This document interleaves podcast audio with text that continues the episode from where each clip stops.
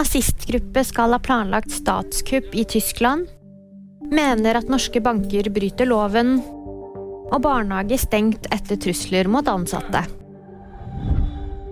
3000 politifolk var i aksjon i Tyskland onsdag morgen. Målet var en nazistgruppe som skal ha planlagt statskupp. Totalt 25 av 52 mistenkte er pågrepet. Nettverket skal ha trent med våpen for å ta politikere som gisler. Forbrukertilsynet mener at norske banker ofte ikke tilbakefører penger som svindlede kunder har rett på. De ser alvorlig på at bankene selv får avgjøre om kundene er ansvarlige eller ikke. Tilsynet krever bl.a. at bankene umiddelbart tar grep for å sikre at forbrukernes rettigheter blir ivaretatt.